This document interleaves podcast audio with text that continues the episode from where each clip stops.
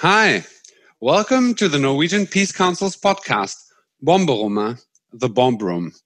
Presented today by the Norwegian Peace Association, Norway's oldest peace organization. My name is Tim Liebenhoff. I'm heading the research group Peace and the Environment. You can check us out on www.fredslaget.no. That is www.fredslaget.no. Like and follow us on Facebook, Instagram, and Twitter to be updated on peace relevant information, publications, and future events. The following is a webinar recorded on the 15th of June 2020 called Nuclear Weapons Testing Consequences and Risks. The event was hosted by the Norwegian Peace Association and No to Nuclear Weapons Norway. This webinar explored nuclear weapons from a broader perspective.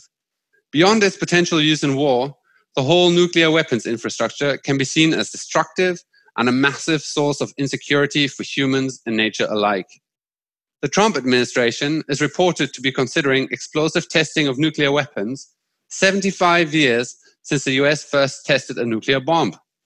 Nuclear testing clearly isn't a thing of the past. And still, people and the environment are suffering the consequences of the cruel experiments they were subjected to.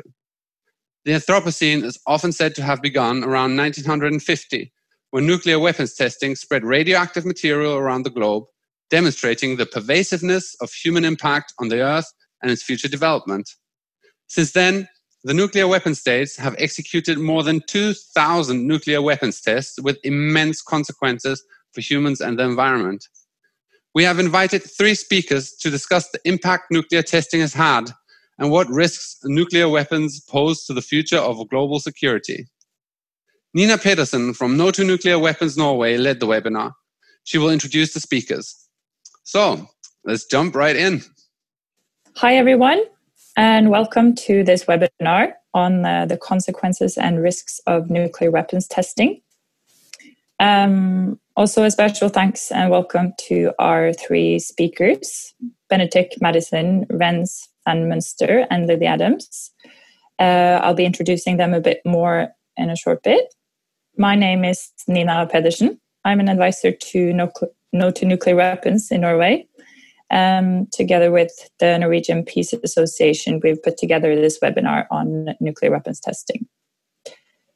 Um, a bit background before we get into the conversation. Um, last month, as I'm sure quite a few of you know, reports came out saying that the Trump administration is considering resuming explosive nuclear testing.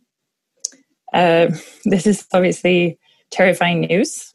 The resumption of nuclear weapons testing could uh, quickly lead to another uh, nuclear weapon states to also resume testing as well, uh, and further accelerating the arms race that we see building around the world. Um, and we believe that to avoid this, we must gain a better understanding of the history and the consequences of nuclear testing. So that's why we put together this panel. Um, first, we'll be hearing from Benetick Maddison. He's a climate and nuclear issues specialist with the, the Marshallese, Marshallese Educational Initiative. Um, he'll be talking about the history of nuclear weapons testing in the Marshall Islands, where he's from. Um, in the Marshall Islands, the US conducted over 100 nuclear tests. So he's going to tell us about the impact of the nuclear testing on the health of people and the environment in the Marshall Islands. Um, after that, we'll hear from Rens van Munster. He's a re- senior researcher with the Danish Institute of International Studies.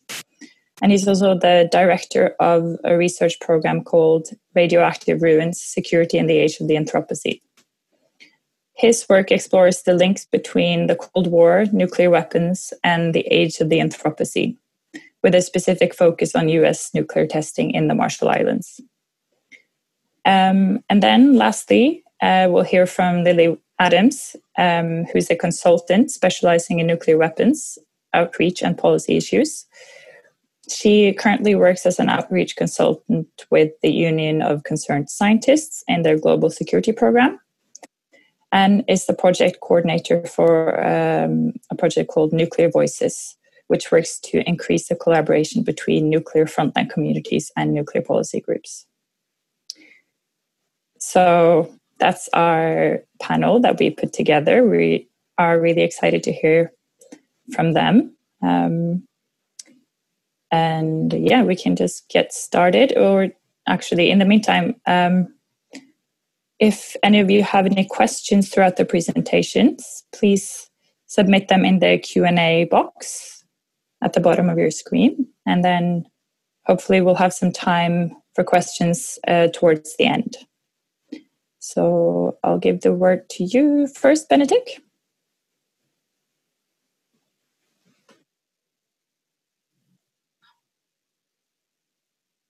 Thank you. Uh, first off, Iakwe. Uh, that is how we say hello in Marshallese. And I again would like to uh, thank the organizers for putting together this virtual event um, and inviting me to be a part of it. Uh, my name again is Benetick Maddison. I was born in the Marshall Islands, but um, have been in Arkansas for most of my life. Um, I'm currently majoring in political science and I work two part time jobs. Um, I work at the University of Arkansas for medical sciences.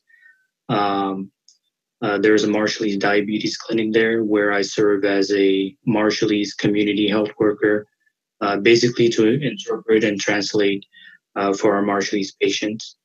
Um, and then my other job is at the uh, Marshallese Educational Initiative as the project specialist for youth, uh, climate, and nuclear issues.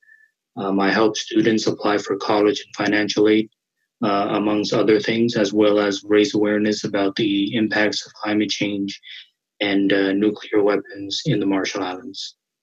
Um, so for those who are tuning in uh, or will be tuning in later and have never heard of the Marshall Islands or where they are, uh, the Marshall Islands are located uh, 2,000 miles southwest of Hawaii. Um, they're right above the equator. Um, they are pretty much isolated, um, not just physically, but more so now that the borders are closed due to the pandemic.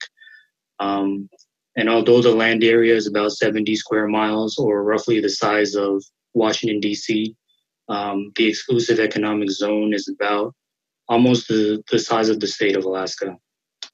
Um, now, I mentioned um, isolation a moment ago uh, because it was an important part of deciding um, where the United States was going to test their uh, nuclear weapons. And for those who are not aware, the Marshall Islands were chosen by the US again due to its isolation from the rest of the world, especially from uh, other superpowers, uh, shortly after the Second World War. Um, the United States basically went to the UN and asked if they could administer uh, the islands. And so the islands became part of uh, the U.S. Trust territory of the Pacific Islands. And so the U.S. military were sent to uh, an island called Bikini Atoll. Um, they met with the community there and basically told them that um, it was God's will that the United States um, uses uh, use their island for for the good of mankind to test their nuclear weapons. Um, and so the people of Bikini Atoll were uh, removed from their home um, uh, and were uh, on June 30th of 1946, the first nuclear uh, test was uh, detonated in the Marshall Islands. The code name is Able, and it was tested on Bikini Atoll. And, you know, 66 more nuclear weapons were tested, not only on Bikini, but also on Enewetak Atoll, uh, the other testing site that the U.S. used. Um, largest weapon that was, you know, ever tested by the U.S. was on March 1st of 1954 on Bikini Atoll. Um, it was called Castle Bravo, and it was about a thousand times stronger than the Hiroshima bomb. Um, but if you could just imagine, you know, a a tall, humongous red mushroom cloud, um, The width of the cloud was about the size of the state of New Jersey, and it reached a height of 130,000 feet, or about 93 uh, state empire buildings stacked up on top of one another from one end to another. Um, so the fallout from the nuclear uh, weapon, Castle Bravo, impacted a nearby community, Marshallese on Rongelap Atoll. And the children uh, literally were playing in it because they thought it was snow. And uh, soon after, the locals there had, you know, burns on their skins, all over their bodies. Uh, hairs were falling out. Women gave birth to deformed babies, or as they call them, jellyfish babies. Um, and the list goes on. Um, and the U.S. basically said that it was a miscalculation. Um, they thought that the wind was blowing that way, but apparently it changed direction. Um, but you know, it was their intention from the beginning to see the effects of these weapons on humans. Um, after all, our ancestors and grandparents were not, you know, allowed to leave the islands. Um, and so uh, they were not allowed to escape the horrors of these, um, of these nuclear weapons. Um, and so it was intentional to have them stay put. And as a result of the nuclear testing program, there are many Marshallese today who are suffering from cancer and other uh, nuclear related uh, diseases. Um, and, you know, these diseases were, were not known to our ancestors prior to, you know, 1946, which was when they started testing these weapons. Um, and yet we do not have like world class hospitals in the Marshall Islands uh, to better deal with these health issues. And many of us here in the United States do not qualify for Medicaid. Um, uh, it's, it's usually those who are um, pregnant or um, children who are under the age of 18, uh, which is the case here in Arkansas. But for the rest of us, um, uh, we don't qualify. Um, but we used to. Um, but reforms made in 1990, uh, 1996 uh, left us out, as well as other um, Compact of Free Association uh, citizens from the Republic of Palau and the Federated States of Micronesia. Um, so Marshallese who do have insurance are mostly those who, you know, receive it through their um, employer. Um, but in times like these, when we are facing a health crisis with um, COVID 19 and people are losing their jobs, which are tied to their insurance, um, it is certainly not a good thing. Um, and just here in Northwest Arkansas alone, with a population of half a million people, um, a recent report said that 50% of the COVID 19 deaths here are Marshallese yet we make up 3% of the population. Um, and these are people who had underlying health problems, uh, such as diabetes and hypertension and um, other nuclear related diseases. And, you know, for those, you know, wondering how is it possible that, you know, we're here in the US? Um, well, it's because of the nuclear damages caused by the United States. Um, this agreement allows us to come here uh, for employment, for education, health, even though we lack access to healthcare, and you know other reasons. Um, and then now, you know, on top of nuclear and health issues, we are faced with another problem, uh, which is climate change. And I mentioned uh, a while ago about Enewetak Atoll, which was one of the uh, other testing sites used by the U.S. Um, so after um, they tested the last weapon in 1958, um, two decades later, in the 1970s, the U.S. sent 4,000 U.S. servicemen to Enewetak for what they called nuclear cleanup. Um, and this whole time, we thought that these men knew where they were going and knew what they were going to do. Uh, but apparently, the government did not tell them uh, that they were going to basically clean up this nuclear waste. Um, and so the men dug up, you know, this huge hole in the ground on Enewetak and basically dumped all these nuclear waste inside and covered it up with a an 18 uh, inch dome, concrete dome.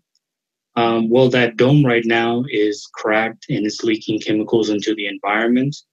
And what is even worse is that there's Marshallese community living on that island uh, because the U.S. told them that it was safe for them to return. Um, however, they cannot depend on what is grown on the land or you know in the ocean because of the nuclear contamination in and around the island. Um, so this dome called the Runit Dome um, faces the threat of rising sea level caused by climate change. Um, and you know, you must understand that the average height of the islands is about six feet above sea level. Um, and in the worst case scenario, if this dome is submerged, it will break open and release all these chemicals that can impact the food supply, um, especially when so many people uh, depend on the ocean for food, not just those in the Pacific, but around the world. Um, and so um, this year I learned that out of the 4,000, um, 300 of them are, are still alive, um, but many of them. Um, and so all of these issues that are impacting us, Marshallese, um, uh, to sum it all up, um, it is a cultural genocide. And if people want to know the consequences of using, you know, nuclear weapons uh, or ignoring the climate crisis, you know, look no further. Uh, the Marshallese people are experiencing these issues every day.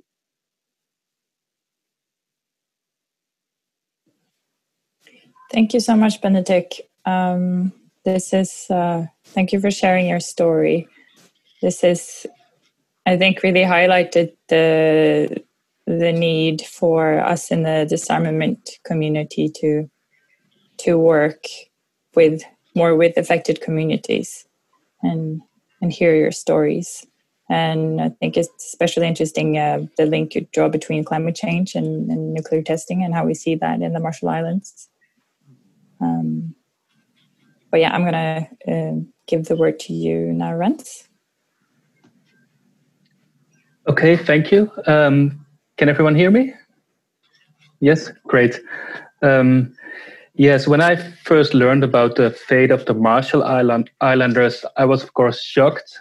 You know, I was shocked to hear about babies that were born with genetic defects. I was for, shocked to hear about the forceful removal from their ancestral lands. I was also shocked that they were allowed to return, even though those lands were still radioactive. And of course, also shocked about the nuclear dustbin Benetick was just talking about in the middle, you know, of the Pacific Ocean that people are living very close to. Um, I was also surprised because I had been studying international politics and nuclear weapons for quite some time. But in my books, I never encountered very much about the Marshall Islands or any other community that lived on or very close to nuclear test sites for that matter, like in French Polynesia or in Kazakhstan. So, how could it be that the people that suffered most from the nuclear weapons took up so little pages in my books? And the absence of their stories and experiences made me curious. I wanted to know more. And I think one of the central questions that is driving me today is to understand not only why we, and by we I, I, speak probably from a Western perspective. I'm, I'm based in Denmark, in Europe. Um, but also speak for my discipline, my academic discipline, which is political science and international relations. So where we have systematically ignored these events. Um, and also to see can we find a language in my work, maybe a theoretical language that allows us to make room for voices um, that are coming from these communities.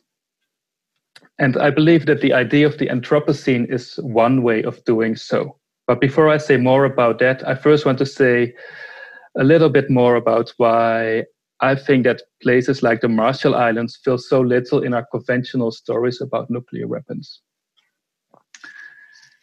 And there's probably many reasons why we in the West do not know more about the fate of populations that lived on or close to nuclear test sites. You know, um, for us, the Marshall Islands are far away. Uh, maybe nuclear testing, nuclear weapons are already in the back of our memories. We think it's something that belonged to the Cold War.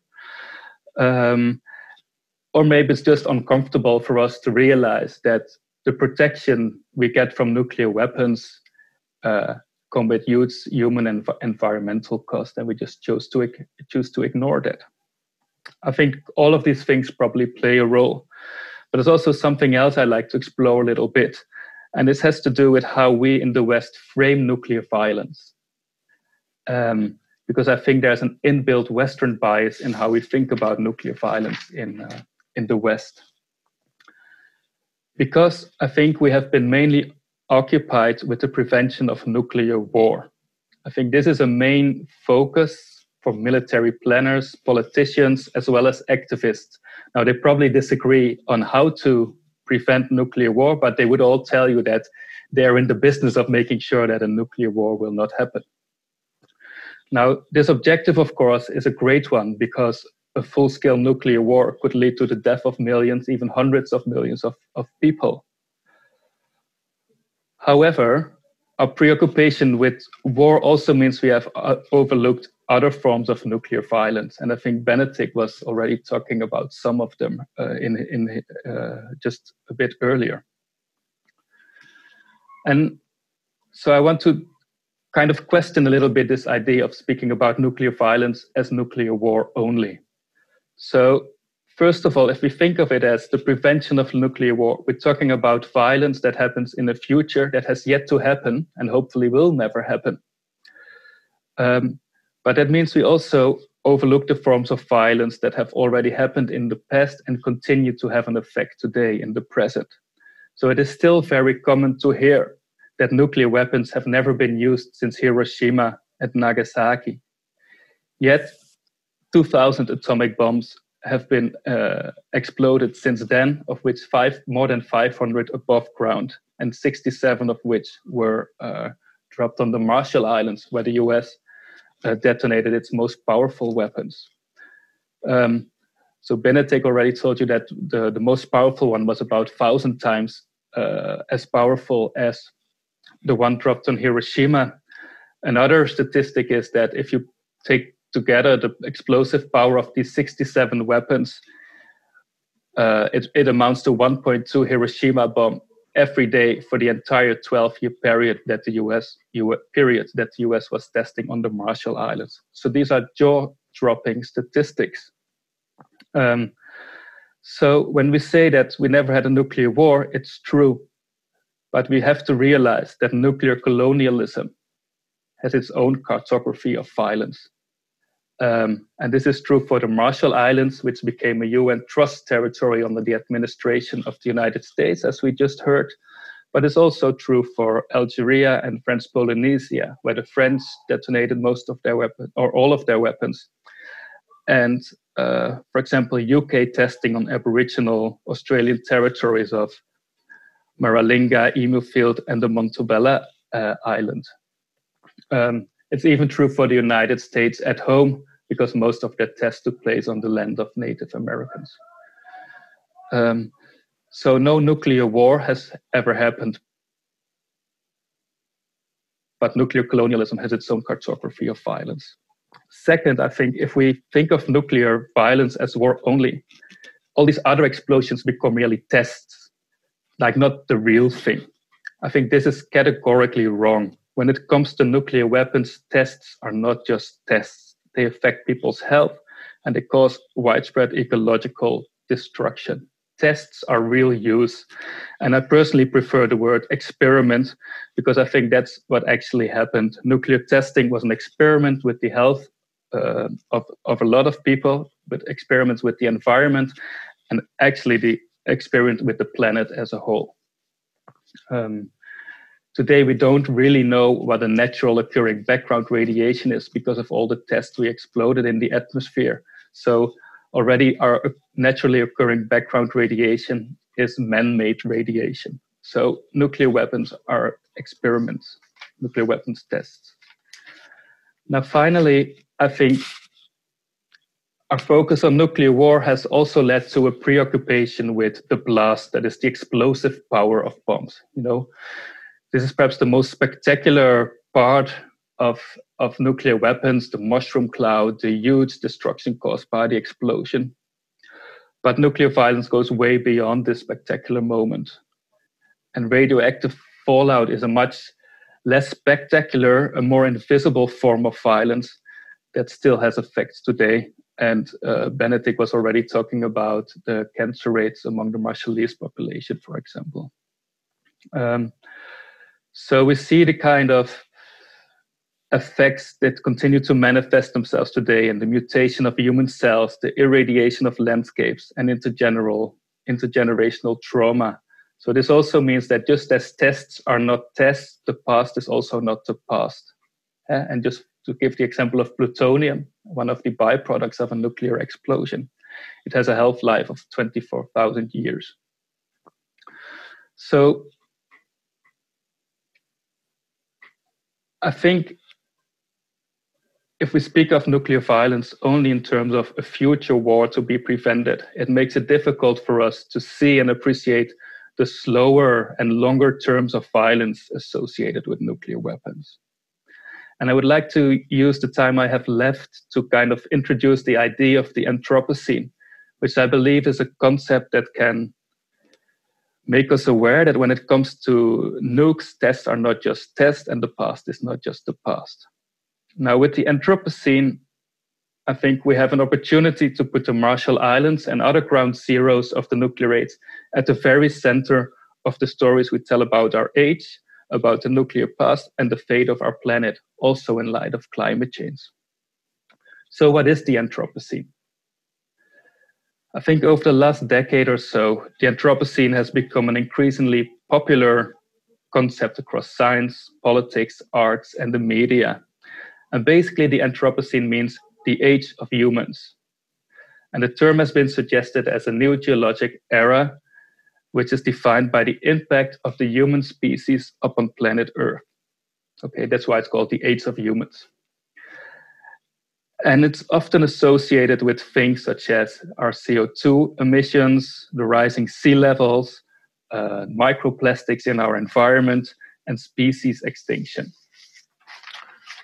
Um, but the basic idea is that the human species have become such a destructive force of nature themselves that, like a volcano or a tsunami or a meteor, uh, the human species now leave a permanent imprint upon planet Earth itself. Now, I think the idea that we now live in an age like the Anthropocene makes intuitive sense in a world that counts man made climate change as one of its main challenges.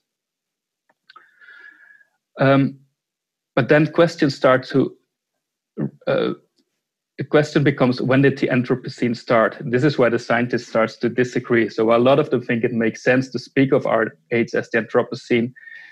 They disagree about when it starts and who's responsible. Is it capitalism? Is it globalization? Is it industrialization? Is it the invention of the steam engine, the invention of agriculture?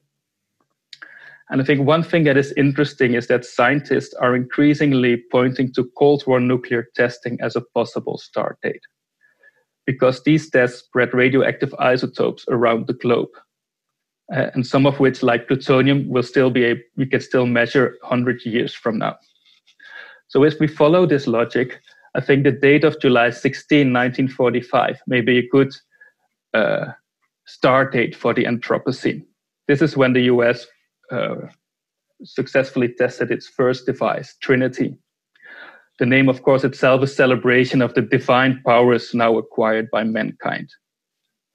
This sentiment was further confirmed by Robert J. Oppenheimer, who was the uh, scientific leader of the Manhattan Project, uh, the project that led to the development of the atomic bomb, who, upon seeing the explosion of Trinity, quoted the Bhagavad Gita very famously and said, I have become death destroyer of worlds. Um, this seems like a very uh, appropriate symbolic citation that fits the idea of the Anthropocene. However, if I could choose myself, I would probably go with the explosion that Benetick mentioned, the Castle Bravo text on 1 March 1954, which was about 1,000 times as powerful as the Trinity test, and which spread radioactive fallout over uh, Bikini, Rongelap, Utirik, and also a lot. These are the kind of the officially recognized ones um, by the US, but the other islands were affected as well. And the, the traces of this radioactive fallout can be can be found over the entire planet. And for me, it's really this explosion that brought home to Western audiences the dangers of radioactive fallout and the realization that nuclear tests are not just tests, but geophysical experiments on a planetary scale. It's really with Castle Bravo we understood that humankind is able to manufacture its own extinction. So, to me, this link between the Anthropocene and nuclear testing is interesting and useful for a couple of reasons. Um, first, it shows that if we un- to understand our age and the fate of the Earth today, we should not just look at climate change, fossil fuels, and the cap- capitalist means of mass production. We must also pay attention to the military means of mass destruction, and of course the relations between these two, because the US military is one of the largest consumers of fossil fuels, for instance. Um, so this means we need to get more interested in our nuclear past and what happens uh, around the globe in, in the nuclear age, not just on the big superpower conflict between the US and the Soviet Union or Russia now, not just on what happens in North Korea or Iran or China, but the entire infrastructure that was built in order to make uh, the superpower struggles possible. This also means that we need to recognize the links nuclear weapons have had to climate change. And there are many links. And just remind you of one, and this is the um, the Limited Test Ban Treaty of 1963, which was both the first treaty that tried to regulate the use of nuclear weapons and the first global environmental treaty. And these links have always been there, and I think the Anthropocene is a great occasion to to to explore them in in, in detail again.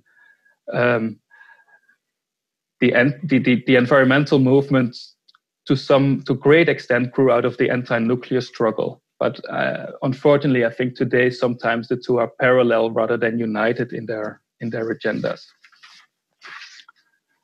um, and and again this this it's it's time we have to explore these links again given the rising nuclear tensions and and um, the, the the open call from the Trump government to, to, to reconsider nuclear testing as a, as a possibility. Now, finally, I think the idea that the Anthropocene, to some extent, may be the radioactive afterlife of the Cold War, offers a very important alternative framing to the idea of nuclear war. It does not gloss over testing, but it makes us understand that nuclear testing is essential to understanding our own time. This also means that if we want to understand our age, we must put the experiences of the affected communities front and center. Um, their experiences with leaking radioactive waste, genetic mutations, and radiation sickness, but also uh, about their hopes and resilience in the face of these adversaries are absolutely central to understand what it means to live and die and survive in the Anthropocene. Thank you.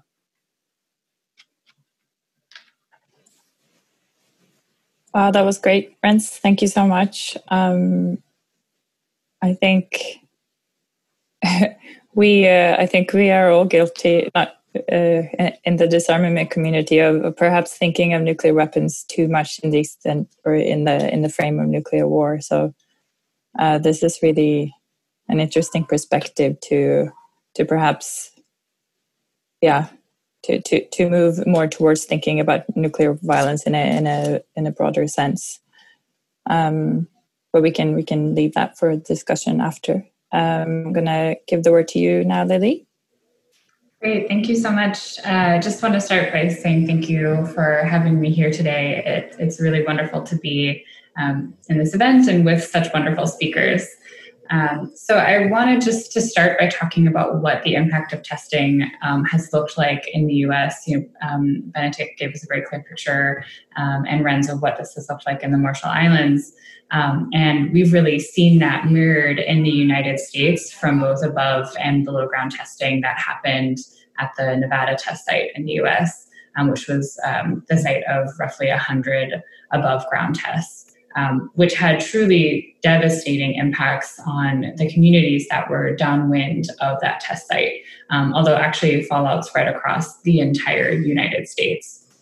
Um, so we see a lot of the same environmental and health issues um, as we see it in the Marshall Islands. Um, so people's lands and waters being polluted. Um, as Rens said, the half life of plutonium is 24,000 years. So in many cases, that um, pollution contamination will be around for generations to come. Uh, we saw the contamination of um, milk that children drank throughout the Cold War, which the discovery of that was something that in part led to the limited test ban treaty. Um, and in terms of health issues, we've seen most commonly elevated rates of cancers, uh, but also thyroid illnesses, autoimmune issues, bone deterioration, um, and much more. So these are the issues that people are uh, still fighting with or uh, dealing with today. Um, and I think something that has really contributed to the issue in the United States is that the US government um, has almost completely neglected to really study the health consequences of testing in the US. Um, and in some cases has actually actively suppressed information about people's exposure and health consequences, um, which I think ties back into this way that we have ignored this form of nuclear violence, which Rens was talking about. Um, the US government's attempt to kind of suppress this um, has allowed it to be hidden um, for a very long time so even with though the very limited information that we have, it's undeniable that there has been extreme harm done. Um, one study that was done by the US government estimated that at least 11,000 people would have died from all types of cancers uh, related to nuclear weapons testing. But it's been said by many that have you know critiqued that study that it uh, the methodology was very faulty and that number is far far too low. So one more recent study I saw estimates that just in the United States, um, up to 460,000 people will have died from cancers related to testing. Uh, and that's a really shocking number to try to wrap our heads around. Um, and you know, we know that when the US uh, used nuclear weapons in Japan, at the end of World War II, the only time these weapons have been used in conflict, and Nasra said that that's the main way that we associate nuclear weapons being used. Um, those two bombs killed more than 200,000 people, uh, innocent people in Hiroshima and Nagasaki. And that in itself is, is tragic enough on its own. Um, but it's awful to consider that the US government may have also killed, on top of that, hundreds of thousands of its own people from nuclear weapons testing outside of any conflict. Um, and this is really overlooked. And there is a feeling among um, many different communities that are victims of nuclear weapons testing. The U- and the US government is, in fact, just kind of waiting for those victims to die um, so that they don't have to address the full impacts and be held accountable uh, which is a terrible feeling from your own government. Um, and then another group that's been really impacted that has this um, that really feels this way is um, U.S. soldiers that were used during testing in many different roles. Like uh, Benetick said, the soldiers that were sent to clean up radioactive material in the Marshall Islands, um, or soldiers that were there for above ground tests um, for uh, many different reasons. And the Department of Defense has acknowledged that 550,000 military personnel were impacted by nuclear weapons testing. And again, these, these numbers are, I think, almost too high to um, be able to understand. Um, so I think, and but this kind of level of impact is why it's so astonishing that the Trump administration is um, reportedly considering resuming explosive nuclear weapons testing and why it's actually so disturbing. I think for a lot of these communities, it's actually traumatic to think that we could return to a time when explosive nuclear testing is happening. Um, and it's very offensive for these people who have lived with the impacts and who have watched their loved ones um, pass away for decades that their own government could have so little regard for the lives that have already been lost and uh, could be lost by resuming testing. Um, so I think we have to think about what does it mean for the U.S. government and other nuclear weapon states to actually provide reparations to the victims of testing, um, and how can that be, you know, possible on such a large scale when we're talking about hundreds of thousands of people. Um, and I can really only speak to what the U.S. has done and what the U.S. can do, but I think it really does apply to other nuclear weapons countries. Um, so there is an existing program in the United States called the Radiation Exposure Compensation Act. And something that um, is notable about the US program is that it actually does, the government in uh, creating the program does admit to causing harm um, and issued a formal apology to um, some of the victims of testing. Um, but it's an incredibly flawed program. So that one of the biggest issues is that it defines a very small scope of people who were impacted by testing, and those are the people that are eligible for compensation, um, but not nearly addressing you know those hundreds of thousands that we are talking about. So it's actually a small fraction of people that are able to get compensation. Um, and then the amount of money has never been adjusted. So the program started in 1990, um, and the uh, amount people can receive has never been adjusted due to inflation. So it's been um, the amount has been reduced over the decades that have passed. Um, and it's very complicated to navigate the system to get compensation. And there are people who have basically started dedicating their lives on a volunteer basis just to helping their fellow community members apply for compensation um, because it's so difficult to, to get that in the first place. Um, and then uh, what we're facing right now is that the program is about to expire. So it's set to expire in 2022, which is just around the corner, a year and a half away. Uh, and it's very scary to the people who have been impacted to think that this might no longer be an option and that some people might lose their chance forever to get that compensation. Um, so in the US, we really need to start by expanding and improving and extending that program. Um, and there are bills in Congress right now that would do that um, but they've been introduced for about 10 years without any action on them. Um, so we're really coming up against this urgent deadline to make that happen. Um, specifically in the Marshall Islands, there are some really important actions uh, that the United States government could do. One of which, as Benetick talked about, is simply reinstating Medicaid healthcare coverage for um, people from the Marshall Islands who are living in the United States, which is a very simple and obvious fix to um, a mistake that happened many years ago, uh, but that still hasn't been righted. And then the other piece of this is that the US government actually still owes billions of dollars to the Marshall Islands um, in unpaid claims uh, for environmental and health damages from the time of testing. And the last thing I want to say on this is um, uh, there's an, a really urgent need right now in the United States, but I think all over the world where testing and other impacts of nuclear weapons have happened, to look at the generational impacts. Um, not enough has been done to study this and put in place programs to protect the future generations of the victims of testing and other um, exposure. And um, people I talk to are in agony thinking about if they are passing along their health issues um, to their children and to their grandchildren, if it's safe for them to even have kids. Um, that's a very painful question to ask yourself.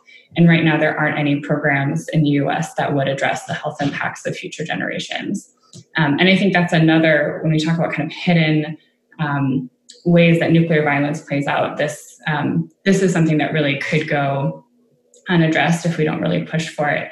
But that the that nuclear violence that happened many decades ago will actually continue into the future in the form of the next generations that are impacted by it. Um, and Nina had posed a, a, question to me before this event of um, how we can achieve security um, and for the world as long as nuclear weapons exist. And I, I think it's an interesting question to address here because um, I think, in fact, my answer to that question is that we, we can't achieve true security as long as nuclear weapons exist. I think for all the reasons that we've talked about today, um, we had a belief for a long time, we've had a belief that we can still have nuclear weapons, but take gradual legislative and diplomatic steps to safeguard them um, and to, you know, quote unquote, make our nuclear weapons safe. Um, and that we could, you know, put enough controls and safeguards uh, to keep these to keep nuclear weapons around. And I think, unfortunately, it's been proven that we don't actually have the ability to do that and to have nuclear weapons in any safe way. Um, and this administration, tying back to this recent decision or consideration of resuming nuclear testing, we've seen that even decades of very careful, purposeful work to limit the risks of nuclear weapons, like um, testing treaties uh, or test ban treaties, can be that work can be undone in just a few short years um, by one administration or even one person. Um, I think as long as these weapons exist, there will be people who are tempted to use them or push the boundaries uh, with nuclear weapons, and we're seeing that happen right now. Uh, and then the other thing is just that there is such a long history of accidents and near misses and mistakes and miscalculations with nuclear weapons that have put us within minutes um, of a nuclear war and that we've avoided just due to pure luck. Um, and I think you know the very existence of these weapons will simply pose a risk because the systems we try to create around them um, and the humans that run those systems will always be fallible um, and will always make mistakes. So I don't believe that we can have a, a true security as long as nuclear weapons still exist. Uh, and that's and I'm excited to hear if there are any questions. So thank you very much. Thanks so much, Lily. Uh, that was great. We have got a question. Um, it's uh, a, the, you can choose who, who wants to take it. It's uh, can you talk about how nuclear weapon testing experiments threats in India and Pakistan have affected us? Uh, were were they different than others and likely to return?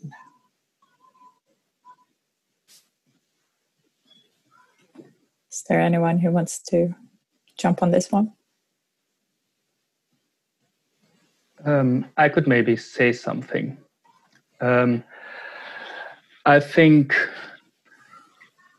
when it comes to nuclear weapons and their effects on a global planetary scale, I think it is uh, the 1950s that are absolutely essential, much more than any other decade because that's where the hydrogen bomb got invented, and that's where the US and the Soviet Union exploded really a lot of those much more powerful bombs. And that's where they discovered that their effects could not be contained locally, but actually had global effects. Um, and, and, you know, um, radioactive fallout from the Castle Bravo test could be found in the cows in USA and uh, as Lily also said, it also you know ended up in in in the bones and the teeth of of people. So so so for me, the 1950s is really central. Now that does not mean that the others are not uh, important. They have like huge local effects. So it's like it says enough that India, for example, tested one of its weapons very close to the Pakistan border. Um, but those tests were much fewer and much uh, smaller in load. So for me, it's really the tests that the United States and the Soviet Union have done are the ones with a major global planetary impact.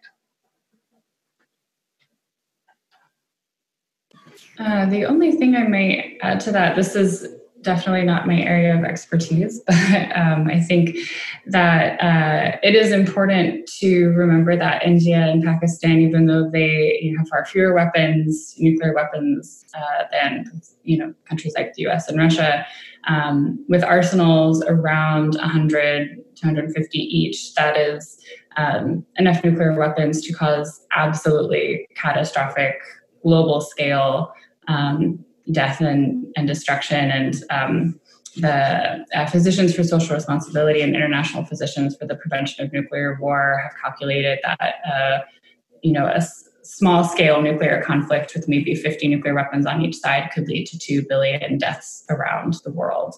Um, so a very significant portion of the entire world population could be wiped out. Um, and I think you know that there there is a constant tension there because India and Pakistan are um, you know in, in constant conflict and have been for, for many decades. Yeah, in, if I can make a small comment, like in the 1980s, we had a big debate about nuclear winter, which was basically about how a nuclear war would have uh, effects on the climate, that it would actually make the Earth uninhabitable for the human species. And there's been a lot of debate on how accurate these were, but more recent projections actually are on the side of the nuclear winter uh, thesis uh, experts. And that say that even a small regional war and small should always be in quotation marks when we speak uh, about nuclear weapons that even a regional war like one between india and pakistan could have lasting uh, climate effects upon the planet. So yeah i would totally agree with with lily there uh, great. We have a few more. Um, I'm going to do three uh, in a row, and then so yeah. Um, these are perhaps uh, good for Lily and Benetick to answer. Um, are there any channels for victims of nuclear testing to hold the US and other nuclear weapon states responsible for the consequences of testing? Second, is anything being done to lessen the environmental effects of the leaking waste at the Bikini Atoll, especially from the ones responsible for it? And third, with the Trump threats, what are the Marshallese and other victims secured from this happening again? I'll go ahead and answer. Um, so the first question, uh, are there any channels for victims of nuclear testing to hold the U.S. and other nuclear weapons states responsible for the consequences of testing? Um, to be honest, I'm not sure if there are any channels, but I will say this that um, the Compact of Free Association that allows us to come here to the U.S. Um, it's going to be expiring uh, in 2023, so about three years from now. Um, but the purpose of this international agreement um, came about because of the uh, ecological and biological um, uh, issues that stem from the nuclear testing program. But um, this compact, the Marshall Islands will be negotiating with the United States pretty soon. Um, and, you know, from my view, I think that um, the Marshall Islands should use this opportunity to um, to to push the United States to denuclearize. Um, because again, you know, the, the genocide that happened a couple of decades ago for us, you know, is still happening to our people. Um, and so I hope that they would use this you know, agreement to to push the United States to uh, to change course. Um, second question: Is anything being done to lessen the environmental effects of leaking waste at Bikini? Um, right now there really isn't a plan in place um, you know in terms of like how to take care of this nuclear waste not just on bikini atoll but in other parts of the marshalls um, uh, but again you know the compact is a a uh, an avenue that the government can use to talk to the U.S. about these um, issues that are not of our of our cause, but of of the U.S. Um, and lastly, with Trump threats, are the Marshallese and other victims secure from this? Um, are the Marshallese and other victims secure from this happening again? Um, to be honest, uh, I do not know. Um, you know, for folks like um, um, you know, Trump, it, it's it's kind of unpredictable, um, especially with current political atmosphere. Um, I really don't know the answer to that. Yeah, just a few things to add. Um, in terms of channels to hold the United States responsible. I think that the Radiation Exposure Compensation Act, which I referenced, was an attempt to do that. And it is a partially successful attempt in that there are some people who um, can get compensation from the government. Um, but it's so flawed. And I think it's, it's really, um, when you look at, at the scale of impact, it feels more like the government um, you know having blinders on just like okay well we'll take care of these few specific peoples few specific communities um, but really not acknowledge all the rest of the the, the harm um, environmental and health issues that were caused so there the efforts to expand that program I think are really trying to hold the US accountable for the full impact of what nuclear testing um, had on, on the United States. Um, and there there is you know movement to do that. And I, I, think that's where these you know the personal stories what, what i see as being most effective um, when we're working with congress um, is uh, hearing the personal stories of how people have been impacted and not allowing the us government to forget those stories um, or to turn a blind eye to them. Um, so i think that's a really important way that we have to uh, can hold the government accountable um, an interesting note on uh, limiting the, the waste uh, and leakage from the dome is that there was um, in a budget bill last year an attempt to do a study on leaking in Maruna Dome. Um, but the study was going to be done by the Department of Energy. And there's this is kind of an ongoing issue that there's a huge conflict of interest for the US government itself to carry out these kinds of studies because they have a vested interest in finding no problems um, so that they don't have to do the cleanup or move the waste or you know fix the dome. Um, and that's been a problem for a very long time. Um, and, or that the government has this history of suppressing information when it sheds a, a negative light on the government. So there's been a lot of calls for any studies like that and any recommendations for what to do to address leaking um, in the dome to be done by an independent body that is not run by the US government.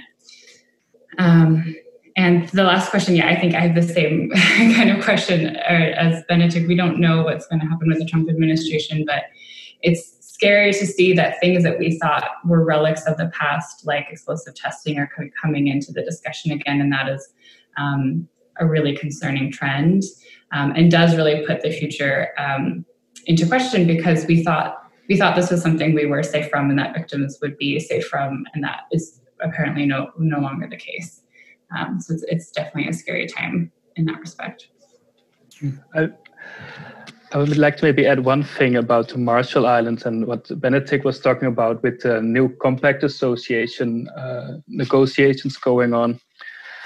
Um, although it may be a little bit too optimistic to expect much from it, given how the US has uh, behaved earlier, uh, there may be one different difference this time, and that's uh, China's rising influence in the region. So which may be one of the reasons why the US actually this time may be more forthcoming because they otherwise fear they will lose influence in the region. So, which means they would be doing it for the wrong reasons, but it it it, it may be with some gives the Marshallese some leverage in negotiate in negotiations. One thing I also wanted to say is the suppression of information is a very important issue because it means that we are always groping in the dark about the effects of what happened and that we're constantly faced with new things like cancers that do not uh, manifest themselves until 30 40 years after um, after the explosions or that are give, given to next generations. So uh, and even when we have information and this also relates to one of the questions about studies on the long-term effects of nuclear testing we actually know very little about the long term effects of exposure to low levels of radiation. Um, and we know quite a lot about when you're close to a bomb or close to an exploding reactor, but we do not know what it means to, over a lifetime, eat, for example, radioactive food.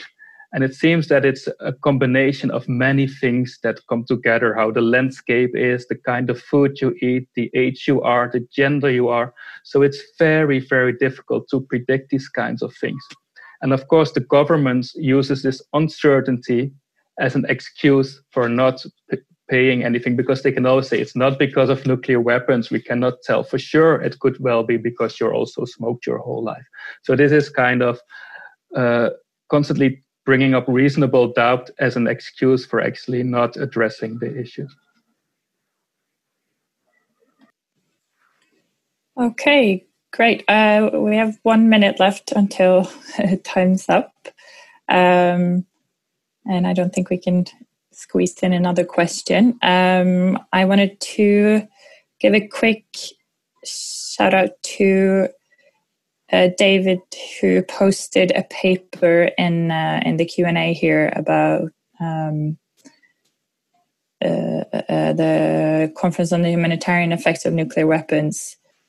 Um, I'm sure we can we can probably share that to the Facebook group afterwards, um, so that more of you can can access that.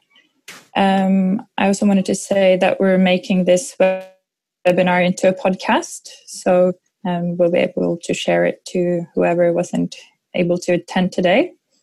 Um, and also, just thank you so much to to the three of you who have um, come to speak today. Uh, this was great. I think, at least for my part, I've learned a lot, um, and we think we all need to work harder to to think beyond the prospect of nuclear war and, and try to reframe our thinking to see other types of nuclear violence.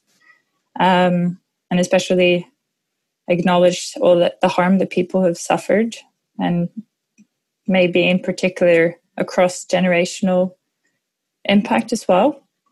Um, and to see our job to lift these stories um, and not allow the nuclear weapon states to ignore them anymore.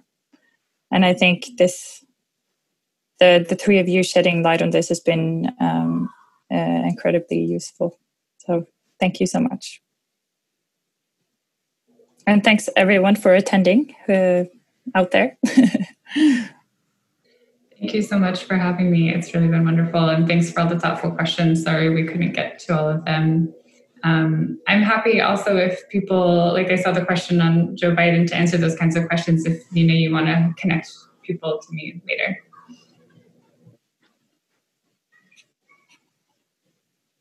Well, and again, uh, thank you so much for having me on. Yes, I also want to join. I forgot to say thank you before I started, probably because I was so nervous. So I'm going to do it now. And I was also very use, useful and um, great learning experience for me. For all of us, I think. okay. Um, well, bye then. Thank you. Goodbye. We from the Norwegian Peace Association would like to thank the panelists of this webinar for sharing this very important information. We would also like to thank Nina Pedersen and No to Nuclear Weapons Norway for a job well done, and also the attendees from all around the world. And of course, you who has been listening to this podcast. Check out the other podcast episodes of Bomberommet, The Bomb Room, by the Norwegian Peace Council. If you have any further questions concerning this webinar or anything else, contact the Norwegian Peace Association on Facebook, Instagram, Twitter, or check out our website on www.fredslaget.no.